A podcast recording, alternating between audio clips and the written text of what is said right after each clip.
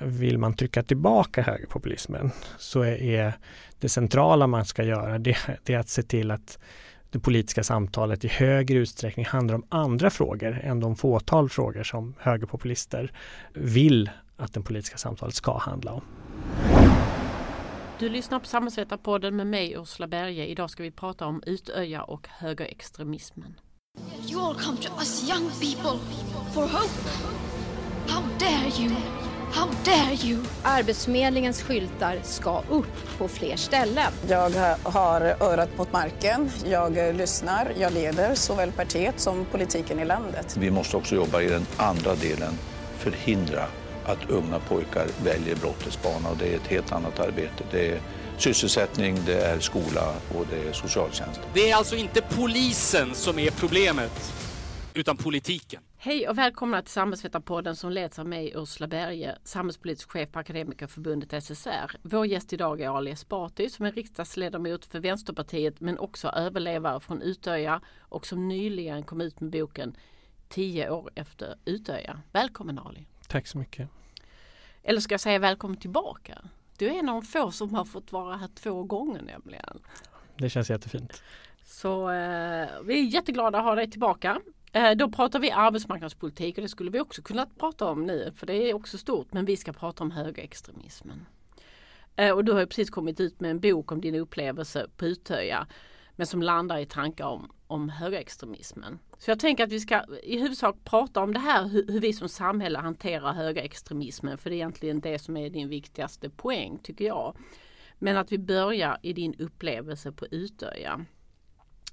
Och dagen på Utöja, du är, du är en överlevare från det värsta terrordådet som vi sett i Norden. Om, om vi bara börjar, hur har den här händelsen präglat vårt samhälle skulle du säga?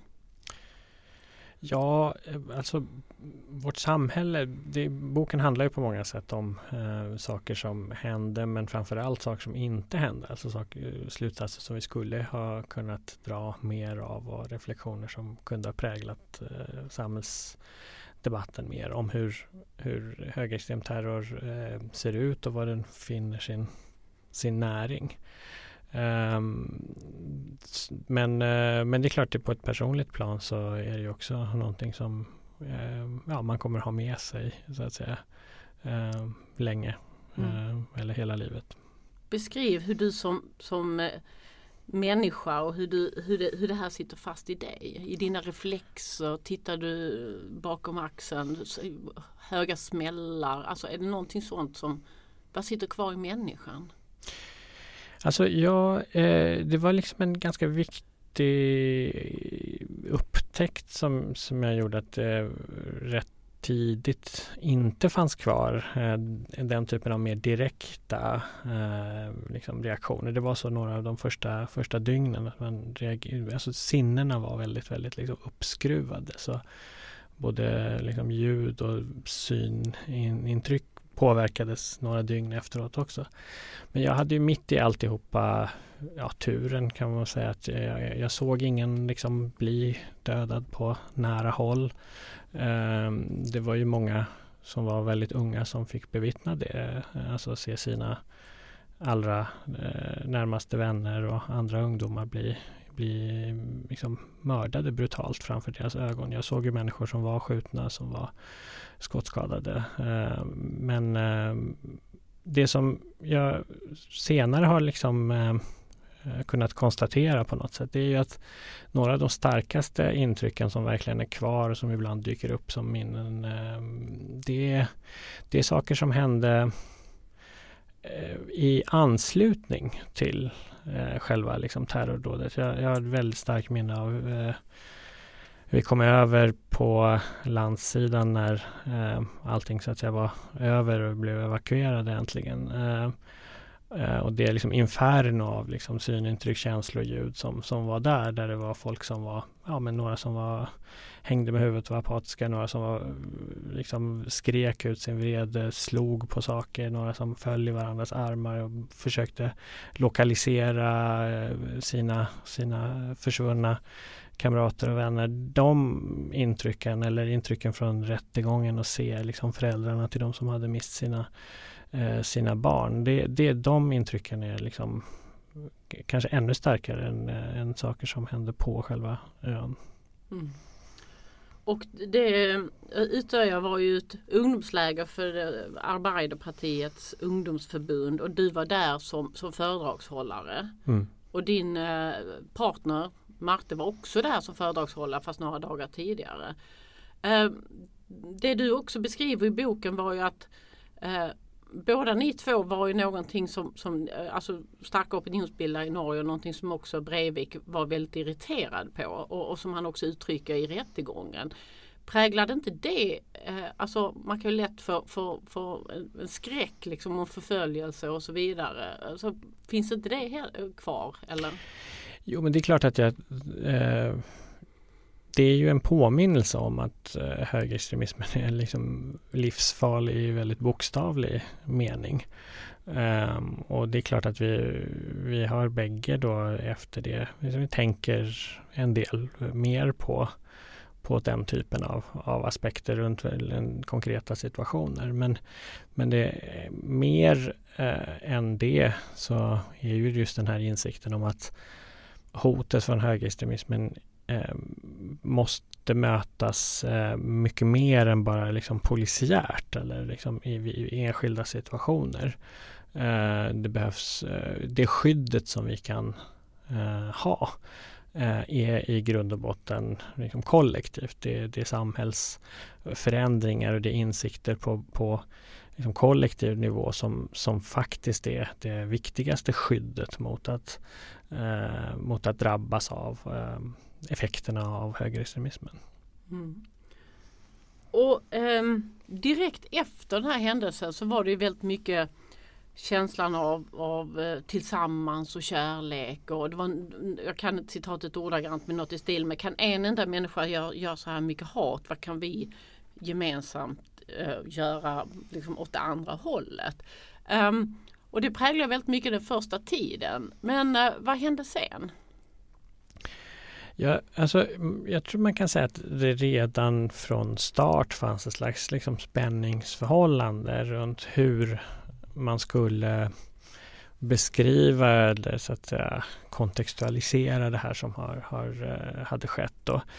Eh, och, eh, och det handlar ju eh, mer om, alltså ska man se det som ett slags eh, enskild förvisso mycket hemsk händelse men en person som spårar ur och gör någonting helt eh, utanför alla ramar. Eller ska man eh, i högre utsträckning se det så som det, jag menar att det var, nämligen att ett Eh, kalkylerat eh, politiskt terrordåd eh, som begicks av, eh, av vissa specifika grunder utifrån en viss typ av samhällsförståelse och världsbild och med specifika syften. Eh, så, så den dragkampen fanns eh, redan, redan från, de, från de första dagarna.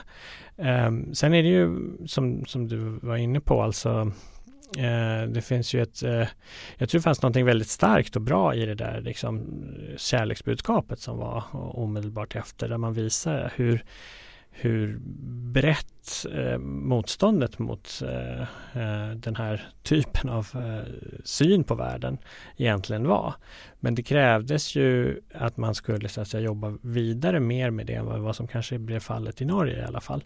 Eh, och det är ju någonting som ju eh, har kommit upp på ett, på ett bra sätt tycker jag ehm, ehm, senaste året, halvåret i den norska debatten.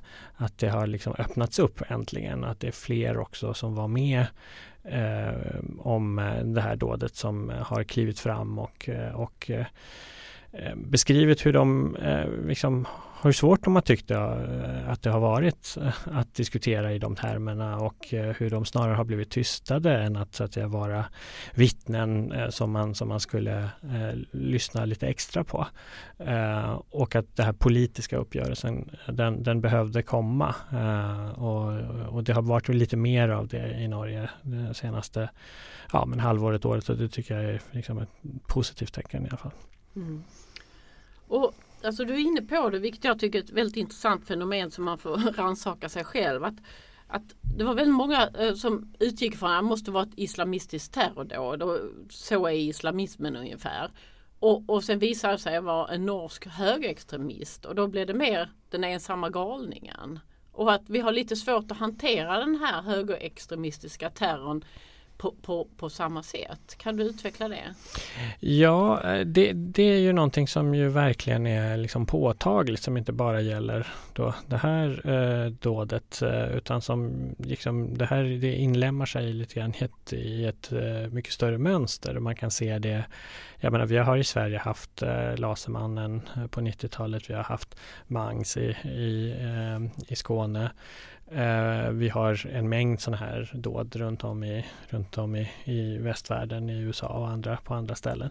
Och där kan man se hur det eh, är en stor skillnad i hur eh, medier och, och, och, andra aktörer i offentligheten eh, så att säga Eh, närmar sig den här, den här frågeställningen då, eller hur man beskriver det som just har, har hänt.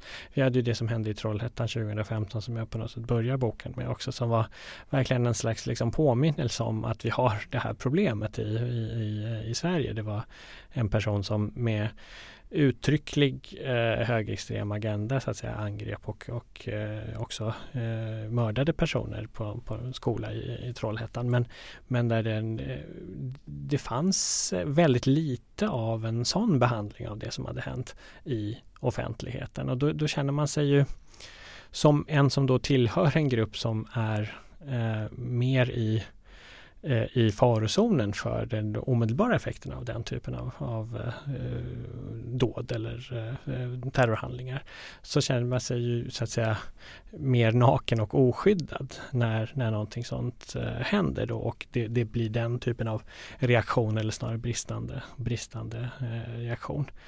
Ehm, det, är ju, det är ju intressant ehm, att man liksom snabbt hamnar i den här eh, psykologiserandet i, i, i, i, i, väldigt, i väldigt lång utsträckning. Alltså, eh, alltså att man psykologiserar eh, eh, och reducerar saker till, till psykiatri eller de personliga eh, psykiska eh, problem hos, hos gärningsmän. För det är ju ingen som påstår att det eh, Eh, någon som så att säga, begår ett, ett sånt här eh, brott eh, är eh, liksom tipptopp fullt frisk. Eh, så, så är det ju inte. Men det blir ab absurt och helt missvisande att, att säga, reducera det till det. Hur ska vi liksom, vi vet att eh, om man tänker sig eh, terror och, och, och, massmord under eh, andra världskriget eller senare. Eh, den typen av politiska rörelser som har, som har verkligen liksom haft våld på agendan och genomfört det. Många av de aktörerna har säkert haft, eller vi vet det, har haft eh, egna personliga psykiatriska, psykiska eh, problem. Men vi kan inte säga att nazismen var det bara att no några blev tokiga samtidigt utan det är en politisk eh, rörelse som, som eh, måste förstås eh, i sociala och politiska termer. Och vi missar ofta den, eh, den eh, aspekten av det just när det kommer till eh, högerextrem rasistisk terror i, i vår samtid. Men då blir följdfrågan varför är vi så dåliga på att klara av att se det? Jag tror att det är eh, ganska självklart att det är svårare att, eh, att diskutera saker i de termerna när problem eller, eh, eller extrema saker kommer inifrån. Alltså när man kan så att säga placera saker utanför det självuppfattade viet och säga att det här är någonting som kommer, kommer utifrån. Det är några andra än, än vi eh, som, som står för det. Då, då, då finns det en slags liksom, trygghetsavstånd som gör att man kan, eh, man kan liksom, analysera det på ett, på ett mer eh, liksom, vettigt eh, sätt. Men när, det här är ju folk som alltså kommer ur ska säga, majoritets, eh, majoritetsbefolkningen eh, och eh, där liksom deras eh, politiska eh, eh, övertygelser är ju ingenting som är liksom importerat eller kan ses som importerade från någon annanstans. Eh, och, och, då är det enkelt att, så att säga, falla för den frestelsen och säga att då är det bara någon som helt enkelt inte är med hos oss. Då. Det, vi har ingenting med det att göra som samhälle. Det är helt obegripligt, någon som bara, ja, bara spårade ur. Eh, men det, är, det jag är inne på i boken är ju hur tydligt det här liksom hänger ihop ändå med, eh, med eh, väldigt stora och, och djupa samhällsförändringar i, i vår samtid och att vi behöver se det på det sättet. Mm. Hur, ehm, alltså jag tänker på det här att eh, den här konstruktionen av den andra det, och, och, i någon mening då också demoniseringen av den andra. Det, det tänker man att, att, att, samhället förändras och vi blir mer mångkulturella och att det här borde vara någonting som vi blir bättre på att hantera. Att eh, inte demonisera den andra och, och vi alla är olika men befinner oss i samma samhälle. Men jag får lite intryck av att vi, vi har inte blivit bättre på att förstå liksom, den här högerextremismen när någon i viet begår sådana handlingar? Alltså, eller mm. går det åt rätt håll? Nej, men jag tycker det är, det är inte entydigt. Alltså för det, för det, å ena sidan är det så att själva det faktumet, eh, det faktumet att vi är eh, ett eh, i realiteten helt enkelt mer mångkulturellt samhälle gör ju att vissa saker åtminstone möter ett visst motstånd. Man kan inte prata på samma sätt som man gjorde för, för 70 eller, eh, eller 80 eller 40 år sedan utan att eh, en del säger ifrån eller liksom att realiteterna på marken ändras ju. Eh, och det är en aspekt av det. Men en annan aspekt av det är ju just så att säga hur hur eh, yttrar sig detta i, eh, i maktförhållanden och eh, i förhållande till, till den politiska dagordningen? Och där ser vi ju den, den Eh, en utvecklingstendens som kanske på många sätt alltså, definierar vår samtid eh, och de senaste decennierna det är ju utvecklingen av eh, eller framväxten av mycket starka högerpopulistiska strömningar och högerradikala strömningar i vår del av världen. Och eh, det allvarligaste aspekten av det är ju frågan om hur det normaliserar vissa typer av, av sätt att prata om andra människor och hur det här liksom rör sig den typen av liksom idéer, världsbilder, uppfattningar eh, hur det rör sig från eh, delvis liksom perifera sammanhang i, eh, i, i, i, vårt samhälle, i våra samhällen till att liksom ta en ganska central plats eh, i, mitt i den politiska dagordningen. Alltså vad, hur rapporteras saker? Vad är det som är viktiga politiska debatter? Hur yttrar sig ledande etablerade politiker och opinionsbildare. Den utvecklingen har ju gått åt en väldigt negativt, eh, i en väldigt negativ riktning i, i vår del av världen eh, i, under stora delar av den här, ja, definitivt under den här eh, tioårsperioden som jag följer lite mer noga. Då. Mm. Jag tänkte vi skulle komma in på det här med hur debatten har förts och, och hur media ser på de här frågorna.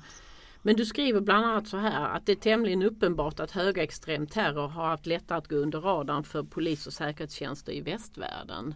Alltså man tänker att polis och säkerhetstjänst kan se mer objektivt på saker och ting och inte mm, baseras på fördomar och så vidare. Men det stämmer det eller sitter de med en annan dagordning? Nej, alltså inte en annan dagordning skulle jag väl liksom det ta i men mm, och jag, jag tror att på, eh, det, det, det, har hänt bra saker där också eller så att säga ett uppvaknande på många håll. Eh, åtminstone i den officiella liksom, eh, retoriken i de officiella dokumenten. Att det, man, man ser eh, i, i många länder så har man ju åtminstone erkänt att det här är ett problem eh, från så att säga, säkerhetstjänster och den typen av myndigheter och organisationer som har till uppgift att följa så att säga, eh, systemhot.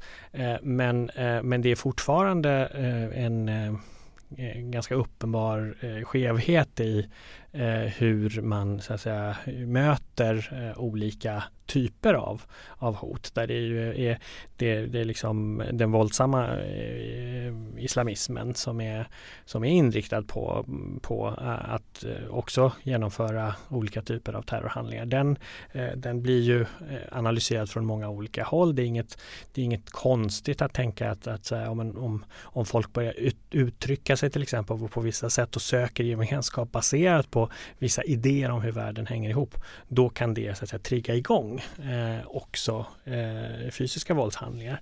Men när det gäller, eh, när det gäller högerextremismen så, så, verkar det vara mycket svårare i alla fall att göra det. Och definitivt om hur vi pratar om det i offentligheten. Det var inte så länge sedan det var en händelse i i Eslöv där det var, var en, sån högerextrem eh, eh, gärningsman. Och jag tyckte det var liksom lite talande att det, det fanns en, en eh, nu kommer jag inte ihåg exakt hur det var men, men en rubrik i, i någon av kvällstidningarna var att, att ja, men han beskrivs som, eh, som väldigt eh, snäll men eh, ovanligt intresserad av nazism. Eh, något sånt. Och, det, och det, det är på något sätt väldigt typiskt. Det, det är liksom, ja, så kan det ju vara men det, det, det säger något om hur vi liksom närmar oss Eh, eh, händelser eh, med den typen av gärningsmän. Att det, vi letar efter eh, både saker som, som gör att vi kan så att säga, placera den här personen utanför Eh, en rörelse eller eh, en, en, bredare samhällsutveckling. Eh, och det tror jag är, ett, det är någonting som vi som samhälle liksom förlorar på. Vi, vi missar en del saker och det är potentiellt väldigt farligt. Mm. Du har en ganska långt um resonemang om islamofobin i, i det samhället och, och så hur, Alltså man kan slås av det här hur okunniga vi är i vårt samhälle. Till, alltså du beskriver fem olika faktorer som, som, som eh, präglar hur vi ser på, på muslimer och islam. Och så tänker man det där känner man igen. Liksom, eh, Alltså du skriver bland annat muslimer som en tvångsmässig krigare. Att muslimer alltid skulle vara någon form av potentiellt hot och så vidare. Och så tänker jag väldigt mycket av de saker du tar upp där. Eh, islamiseringen i form av eh, demografiutveckling och så vidare. Det är saker och ting som är rätt mycket i mainstream media också. Mm. Nej men det precis och det, är ju, det menar jag är det, liksom det riktigt farliga. För att eh, det är ju när eh, just den typen av, av eh, liksom idéer om hur världen hänger ihop rör sig då från eh, alltså, eh, grupper eh, som är väldigt eh, drivna i att, så att säga, lyfta fram den här, den här världsbilden och etablera den. Eh, att det rör sig från ändå periferin då till att bli som du är inne på, någonting som liksom ständigt återkommer som väldigt etablerade eh, debattörer, opinionsbildare, politiker eh, använder sig av när de beskriver, beskriver världen. Och det som är poängen är ju att den, det finns en väldig logik i vart det här pekar framåt. Alltså om man ser världen på det sättet. Om man eh, liksom upplever eller uppfattar att det det, det faktum att det finns muslimer och att de får barn och att de syns och rör på sig är egentligen någon slags eh, invasions och ockupationshandling. Ja, då är det ju förstås så att liksom det är i alla fall närmare till hands att tänka sig att man bör göra mer drastiska saker än att bara Eh, säga usch och fy. Eh, om man Eh, och som också finns eh, en aspekt av den här eh, världsbilden. Om man då tänker sig att det är eh, ett slags ockupation, krigs, krigstillstånd som pågår. Ja, vilka är värst i ett krig? Några som är ännu värre än fiendesoldaterna är ju förrädarna då hos oss själva. Och det är precis det som också återkommer i väldigt mycket av den typen av, av retorik. Att när, man, när man pratar om jag menar, eh, kulturmarxister eller, eller att det, eh, det finns liksom akademiker och, och journalister som, som, eh, som går liksom, islamisters eller globalisters ärenden. Det där är en retorik som är som är otroligt farlig därför att den pekar så logiskt och tydligt fram mot eh, behovet av att så att säga ta till mer drastiska åtgärder. Och det som händer är ju inte att alla då går och gör det. Men, men det är definitivt så att för en person som redan är så att säga, labil eller har en, en mörk och aggressiv eh, samhällssyn och världsbild så blir ju så att säga, tröskeln att kliva över för att göra någonting också fysiskt våldsamt eller mer eh, så drastiskt. Den tröskeln sänks ju och det där är någonting som vi kan se återkommande hos personer som faktiskt har begått olika typer av högerextrema terror, terrordåd. Det är precis så de resonerar. Vi vet det. Vi har ju pratat med folk. Eh, alltså Mangs eh, intervjuad i, i, i fängelset. Eh, Laserman intervjuad i fängelset. Säger ungefär samma sak. Det, det här var någonting som alla inom citattecken pratade om. Det var ett stort problem men det var ingen som liksom gjorde något och då kommer jag då där som, eh, som, som den liksom handlingskraftige mannen med stort M och agerar på det. Och det är, det är en dynamik som är återkommande i högerextrema eh, terrordåd. Mm. Men jag tänker alltså bild, alltså de här beskrivningarna av islam och, och, den andra har ju burits historiskt av rätt mycket människor som, som eh, etablissemanget inte har lyssnat på. Och ändå eh, har det här på något sätt impregnerat både eh, media och debattklimat mm. och så vidare. Men eh, hur lyckades de här eh, människorna som vi tidigare inte har lyssnat på, hur lyckades de få in det här?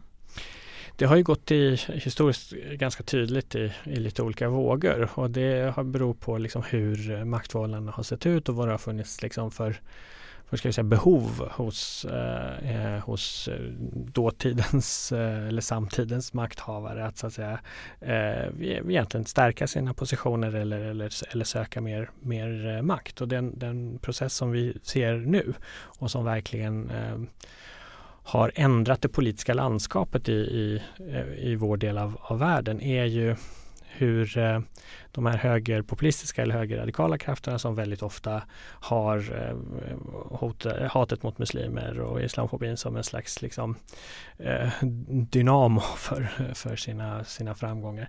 Hur de så att säga tas in i värmen i, en, i etablerade politiska kretsar. Oftast då från så att säga, den traditionella högern, konservativa, ibland liberala krafter som under efterkrigstiden, alltså efter andra världskriget ändå har dragit en mycket skarp linje mot eh, den typen av, eh, av politisk retorik som, eh, som eh, ja, men högerpopulister och högerextrema eh, har haft.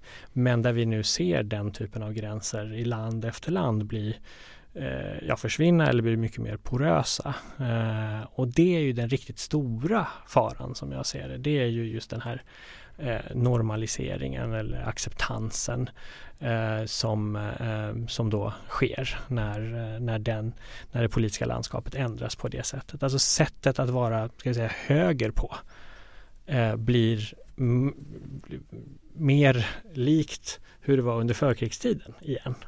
Och vi vet ju vad det kan ha med sig för, för, för faror.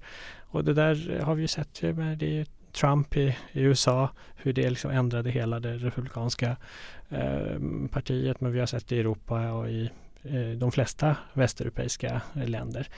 Det finns liksom skillnader mellan länderna förstås baserat på, på ja, subjektiva faktorer, politisk historia, liksom parlamentariska traditioner och så. Men det är samma typ av, av eh, så att säga eh, politiska gravitationskrafter som, eh, som har dragit i, i de etablerade politiska krafterna. Det är i Frankrike, Italien, i, i Norge, Danmark och, och, i Sverige. Och I Sverige har det gått ganska fort. på eh, Sverige började ganska sent i jämförelse med många andra länder men, men det har gått desto fortare då under de senaste, senaste åren och det, det är klart att det oroar och skrämmer mig. Så är det. Mm. Jag tänkte vi först skulle, du, du beskriver um otroligt målande hur medias sätt att skildra högerextremismen har förändrats. Och du tar som exempel att utöja, först var det en terrorhandling och sen när det var en högerextremist så blev det en tragedi. Mm. Ungefär i, i det verbala, mm. i hur media beskrev det, beskrev det. Och det var ingen terrorist utan det blev en mördare istället. Mm. och så. Uh, uh, eller en ensam galning kanske det också var. Och i Sverige fanns det ju jag vet inte hur många år sedan nu det här med Agenda tog en debatt som, som med, med titeln Hur mycket invandring tål Sverige? Och de fick väldigt mycket kritik för det, den formuleringen. Men, men man får ju verkligen intrycket av att, och vi var inne på det tidigare, men intrycket av att media har ändrat sitt sätt att prata om de här sakerna på, på väldigt kort tid. Mm. Eh, jo men så är det och det är någonting som jag som det är någonting som känns väldigt mycket in på bara skinnet så att säga. För det, det är liksom Det är också en eh, poäng eller ett, en av de saker som jag ändå försöker liksom visa och, och lyfta fram i boken. Det är ju att eh, hotet från eller problemen med högerpopulismen och, och, och högerradikalismen är ju inte bara eh, eh när det får de här extrema effekterna som liksom våld eller massmord. Utan det är ett problem alla andra dagar också för jättemånga människor i, i, i vårt samhälle. Eh, och det där är ju eh, en av de aspekterna. Alltså, Eh, Eh, hur, hur dagordningen för det politiska samtalet ser ut får ju dels effekter eh, för hur, ja, men hur eh, liksom maktförhållandena i våra samhällen ser ut. Vad är det för frågor som inte diskuteras när allting blir eh, känns som att det körs genom ett slags raster av eh, etnicitet. Alltså vi, kan, vi har svårt att diskutera eh, bostadsproblem, socialförsäkringar, eh, fattigdom, inkomstskillnader Eh, eh, brottslighet för den delen så länge det liksom inte snabbt kopplas till kulturfrågor eller, eller eh, etnicitet eller, eller har det här att göra med invandringen eller inte. Det är ju ett, det är ju ett allvarligt samhällsproblem i sig. Och sen är det ju så att om man rör sig i det här samhället som, som, som medborgare, som människa i, i Sverige till exempel då, där man ja, men råkar se ut som jag ungefär till exempel, Eh, då är det klart att det påverkar hela ens vardag om man ständigt kan uppleva att man är ifrågasatt, inte genom det man gör och tycker och säger utan bara genom att man finns. Det är någonting som jag tror det är viktigt att förstå att det gör saker med människor. Det är, det är en börda som verkligen tär på människors eh, psyke, på människors liksom, livsmöjligheter blir, blir begränsade. Eh, och, och, det är ett, ett liksom, samhällsproblem i ordets liksom, verkliga betydelse. Det är någonting som vi som samhälle har att handskas med eh, och, eh, och, behöver åtminstone börja med att se det som ett eh, problem. Mm. Men eh, är media rädd för högerextremismen? Du är inne på det här att till exempel i Danmark tror jag det är, har, har om det är Dansk Folkeparti eller eh, velat skurit ner anslagen till public service och mm. Eh, Jimmy Åkesson i Sverige tycker P3 är en skitkanal och ska stänga ner den så snart han kan. Alltså är de rädda för, de vill dra åt den retoriken för att Eh, rena existentiella mm. skäl som handlar om pengar eller handlar det om en samhällsförändring i större också? Nej, alltså jag, tror, jag tror inte man ska prata om media som ett liksom sammanhängande eh, eh, eh, Liksom, att det, det, är en och samma. Det är inte, så är det ju inte. Det, det, det sker ju saker inom, eh, inom medierna. Eh, men det finns det som du berör här. dels är det ju då en slags liksom Eh, Eh, ja, men räddhågsenhet som, som, som kommer sig av, eh, av flera saker. Att man, man sneglar på varandra, saker, alltså vad, vad, är, vad är en viktig fråga? Jo, det är en fråga som redan har diskuterats flera gånger och om vi då börjar så att säga med att dagordningen börjar tilta åt ett visst håll så går det gärna liksom, så fortsätter gärna gå åt det hållet därför att man, ja men vi, vad ska vi ta upp i vårt program? Jo, någonting som må, många pratar om och så liksom reproducerar det sig. Eh, så det är en, en aspekt av det. Av det. Eh, en, eh, en annan aspekt av det är ju frågan om, alltså public service är ju någonting som är återkommande också i land efter land där det finns public service så är, är det i princip alltid en måltavla för angrepp från högerpopulistiskt och högerradikalt håll.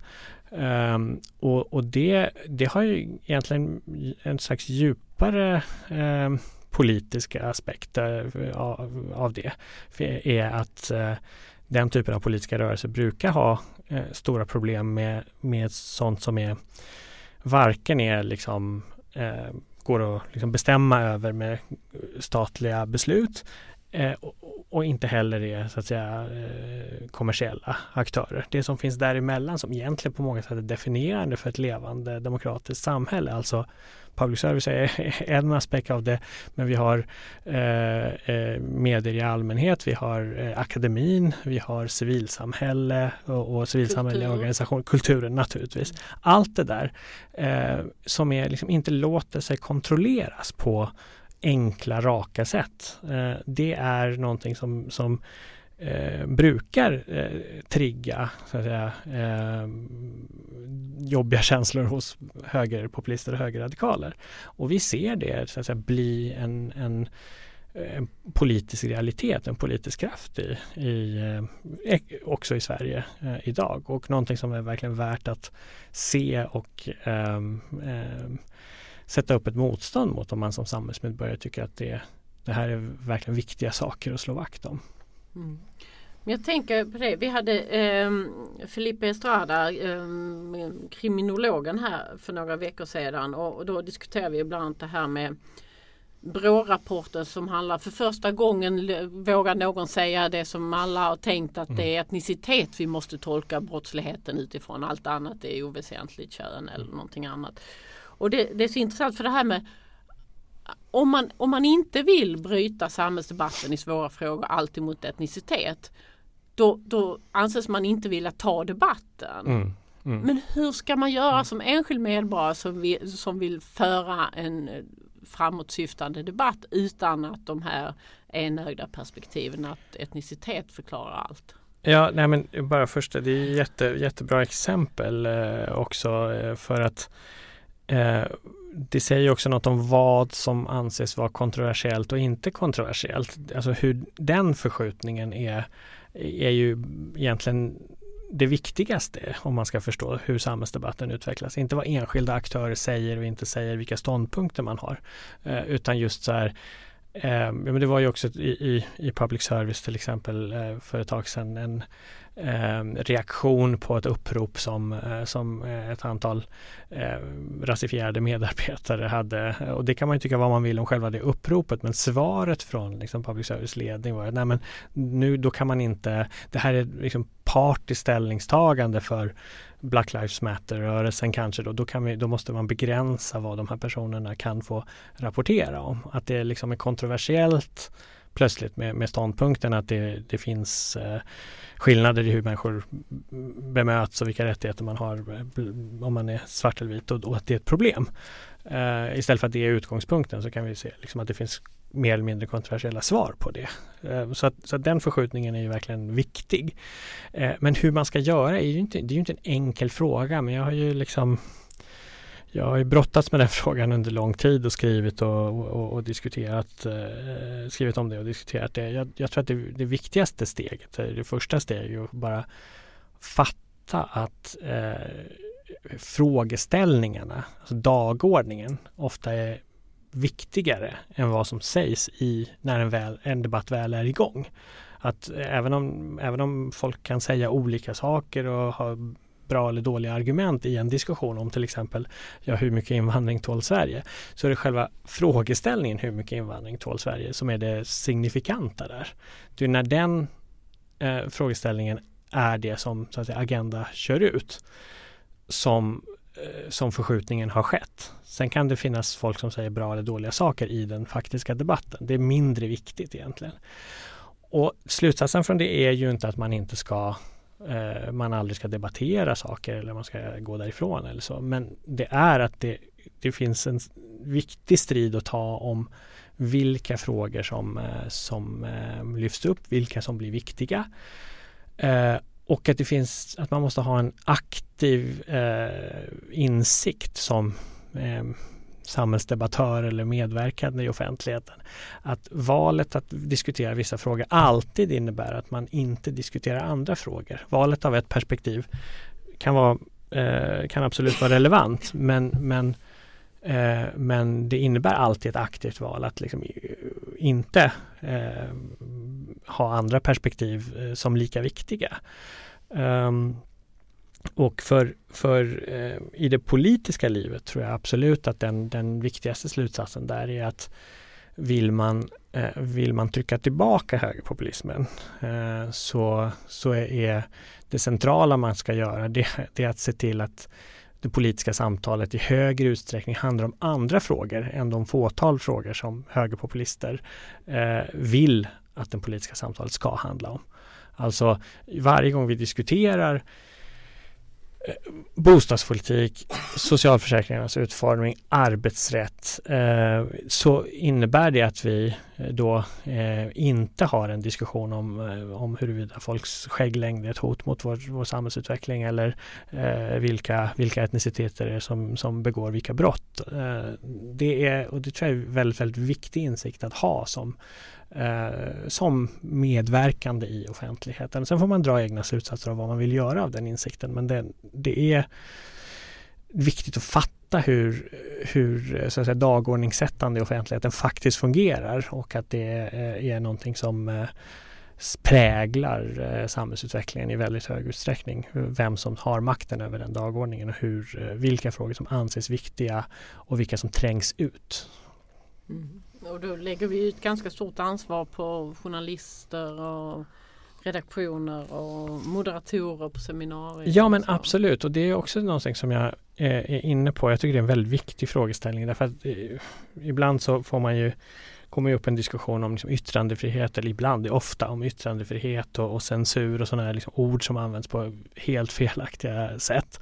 Men liksom, jag tycker det är viktigt att, att understryka att eh, vår Eh, liksom yttrandefrihetstradition och den här, eh, ett förhållningssätt att offentligheten inte ska vara censurerad, den är super, super viktig och central att slå vakt om.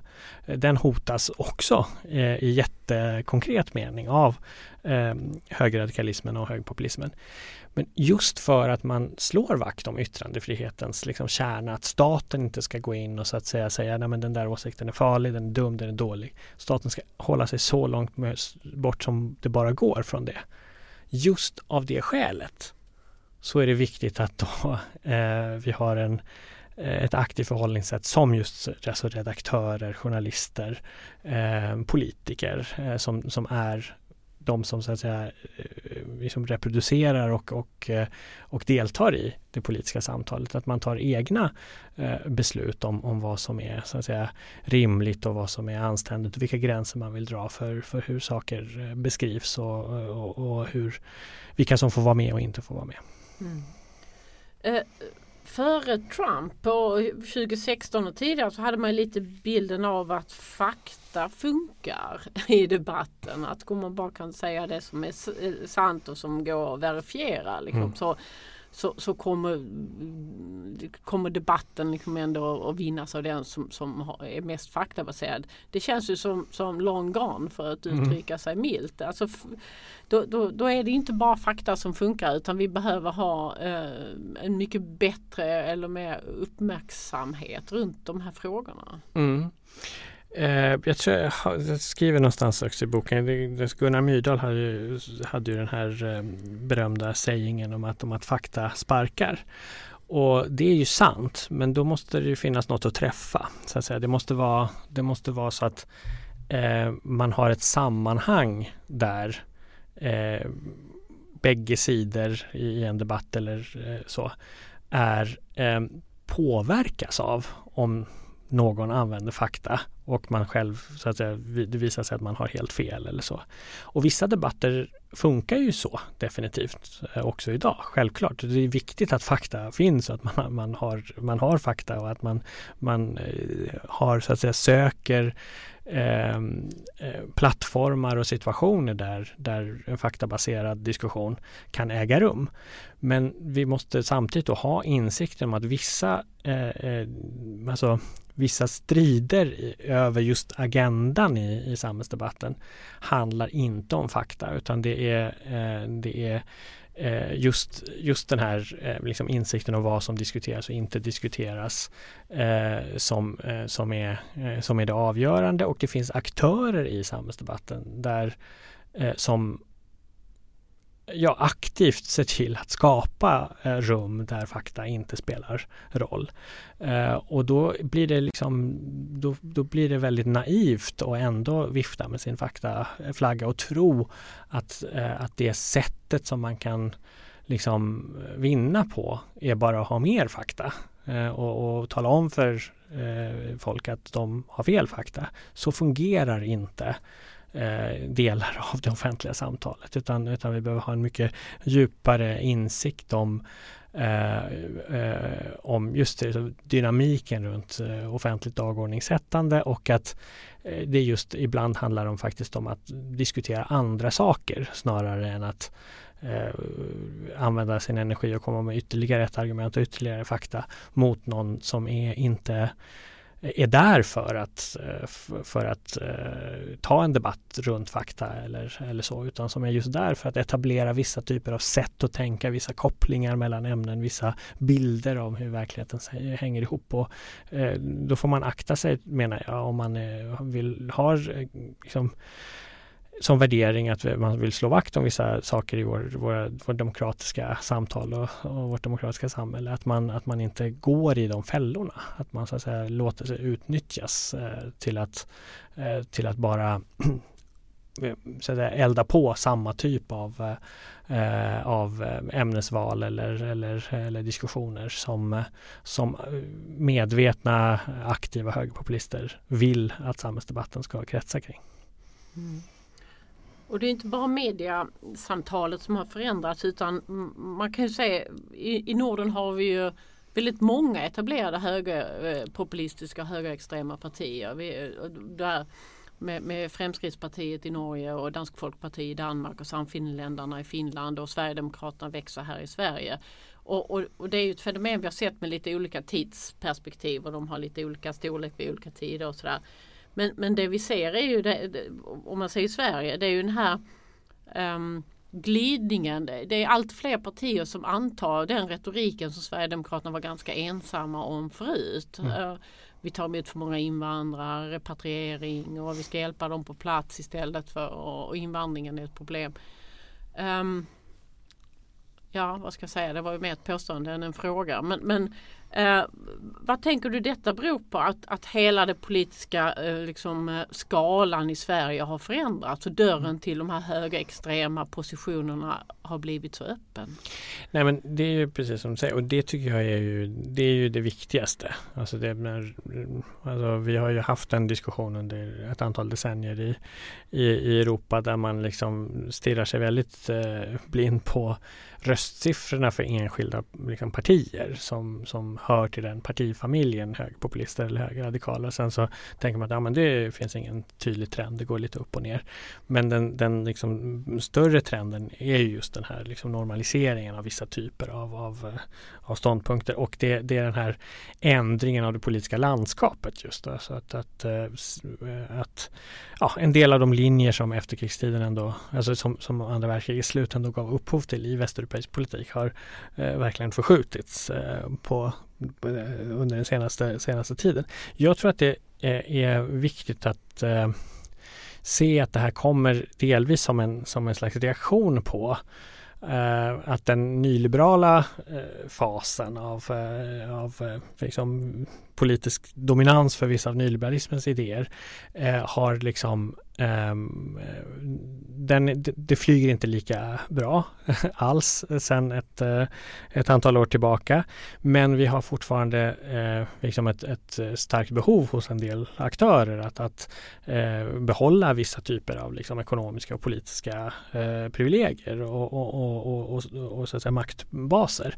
Vi ser i Sverige till exempel hur väldigt viktigt det var för, för Eh, ledande näringslivsorganisationer att få in Sverigedemokraterna i en eh, eh, i en högermajoritet för att, så att säga, blockera förändringar av, av regelverket runt så att säga, vinster i välfärden. Till exempel. Det är bara ett exempel på hur, hur, så, hur sånt kan liksom fungera på liksom mer mikro, mikronivå.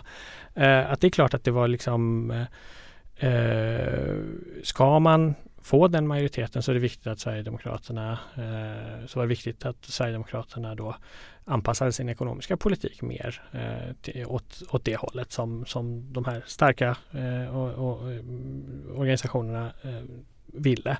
Och det jobbade man väldigt aktivt för och det fanns en slags receptivitet hos, hos Sverigedemokraterna och vi, vi såg den, den ändringen ske liksom framför oss. Först var det liksom lite hysch runt det men sen öppet. Uh, och, och, det där är någonting som vi ser i, i, i land efter land. Det finns eh, det finns ett slags, eh, det är inte så att man tänker sig, ja men nu är det viktigt att vi, vi får med oss rasisterna, utan man tänker sig hur, hur, hur kan man få stödet för vissa typer av liksom, ekonomisk-politiska linjer till exempel. Eh, och då, då anmäler sig gärna så att säga de högerpopulistiska högerradikala krafterna som en, eh, ett ganska tacksamt sätt att, eh, att eh, säga, vinna eh, viss politisk terräng som, som man annars inte hade kunnat göra. Alltså det blir en förskjutning av balansen i, i det politiska landskapet där personer som eh, eh annars kanske då inte hade röstat för Eh, den typen av säga, ekonomisk politik via eh, det här med kulturkrig och, och, och eh, främlingsfientlighet och, och, och, idén om att eh, invandrarna håller på att förstöra allting hamnar eh, där ändå. Eh, och, och, det är ju någonting, jag beskriver en del i boken, eh, både när det gäller Sverige och andra länder. Eh, men jag tror att det är liksom viktigt att förstå att det inte här handlar inte bara om att någon enskild politiker tyckte en grej och det slog an utan att det finns liksom ganska djupa eh, rörelser i hur våra samhällen hänger ihop som eh, har skapat en grogrund för, inte gett direkt automatiskt upphov till, men skapat en grogrund för eh, högerpopulismen och högerradikalismen att, att vinna eh, terräng och att bli inbjudna så att säga, till att ingå i ett mer eh, liksom konsoliderat eh, högerblock. Och det, eh, det är någonting som eh, eh, som sker. Men det är också någonting som många eh, länder, eh, vi, vi, ser att det går också att, eh, att möta det och det är, inte, det är inte självklart att det får effekten av att det därmed då eh, är, är kört att, att, så att säga, stoppa de här krafterna eller sätta, eh, sätta hinder i vägen för, för de mål som de har. Mm. Men det var någon som sa att varje gång sådana här högerpopulistiska krafter i Europa har, har, fått makt och så vidare så är det alltid ett så att säga, tidigare rumsrent blått parti som har släppt in dem. Ja men det, det så är det ju. Det, det, är ju. Eh, det är ju rakt av så. Eh, jag menar till och med till och med när vi ser, eh, alltså om vi ser när, när Front National i Frankrike till exempel eh, har, har varit nära att eh, till och med liksom utmana om president, presidentposten så är ju den stora eh, händelsen där är ju hur det liksom slår, slår sönder den så att säga, republikanska högern. Alltså det blir en, en, det uppstår visserligen splittringar i nästan alla länder mellan de som vill gå eh, åt det hållet och de som inte vill det. Vi ser det i Sverige också. Eh, men, men det är där det sker liksom riktigt radikala och dramatiska, dramatiska saker. Och det, det är ju inget konstigt egentligen om man tänker att det är partier som, eh, som ju har byggt en relation till, till människor eh, över, över tid. Att det finns jättemånga i, i alla möjliga länder, i Sverige eh, inte, inget undantag, som fortfarande inte skulle liksom kunna identifiera sig med Sverigedemokraterna till exempel. Men om man verkligen identifierar sig med till exempel Moderaterna eller Kristdemokraterna eh, och det partiet så att säga, plötsligt då låter som eller, eller eh, gör samma saker som Sverigedemokraterna, då är ju, då är ju det, då sker ju den, eh, det steget är ju mycket lättare att ta då som, som väljare eller som, som medborgare som så att säga har en eh, politisk identitet. Mm. Um, avslutningsvis um, är det här en atlantångare som ska svänga eh, vad det gäller det här enorma värderingsskiftet vi ser i, i, och hur retoriken har förändrats? Eller är det lättare än så? Du, vi har pratat om media och, och så vidare men eh, hur, vad ska vi fokusera på? Eh, jag tror inte att det är alltså, i bety alltså, att antagande i betydelsen att det, det, det, måste först bli jättedåligt innan det kan bli bra eller att det kommer, det kommer vara omöjligt att, så att hejda den väg som vi är på, eh, har varit på väg, eh, alltså den väg som vi har tagit de senaste åren, eh, att det bara måste fortsätta. Det är ingen, det är ingen quick fix på det. Jag tror inte det är så här, ja men det beslutet måste fattas, någon måste säga den grejen eller så, så funkar det inte. Men jag ser också ehm, en del ehm, potentiellt hoppfulla saker i, i vår samtid. En sån sak är ju att det eh, ganska, eh, vi ser det i Sverige, vi ser det också i många andra länder, att den unga generationen eh, sällan är de som är, är mest inne på eh, rasism och främlingsfientlighet. Att eh, det, är, det är vanligare i de generationerna med eh, ganska, eh, ganska starka eh, progressiva värderingar eller i alla fall försvar för Eh, man känner att det är viktigt med, med demokrati, mångfald och öppenhet. Eh, det, det är en positiv eh, sak. Sen måste ju det så att säga, operationaliseras politiskt för att det ska betyda någonting. Men, men, men det, det är någonting som, som är en ljuspunkt. Jag tror också att det, vi började lite grann där, men det faktum att, att många eh, av, eh, alltså Sverige och många andra länder är eh, de facto eh, mer mångfaldiga idag än för eh, några decennier sedan är eh, en, eh, en positiv faktor, potentiellt positiv faktor. Därför att det finns fler människor som reagerar och som, som säger ifrån och som inte låter sig eh, automatiskt i alla fall liksom, eh, bli behandlade hur som helst.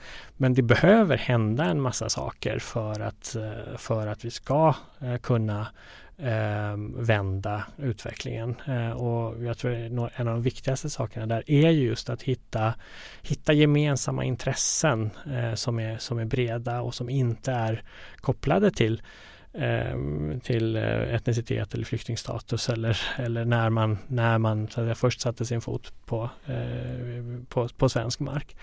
Och, och, den solidariteten som jag ändå så här, eh, också är inne på i, i boken som är en väldigt stark kraft och som det finns en massa system som kan hjälpa till med alltså, som binder ihop oss på arbetsmarknaden i, i socialförsäkringarna, vad vi, vad vi, hur vi ser på varandra och vad vi bygger för liksom, samhälleliga system för att eh, ta hand om varandra i olika situationer som kan uppstå i livet och som uppstår i livet för oss alla.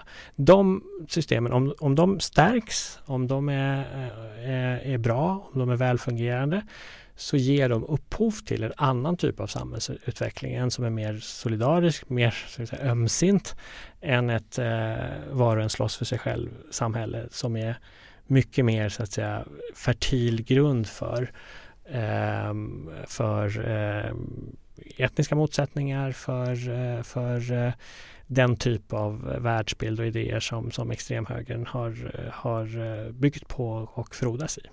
Mm. Och en av dina sista meningar i boken är det finns en väg ut, den stavas solidaritet. Ja, det är precis det här som, som jag är inne på. Tack Ali. Tack så mycket för att du fick komma.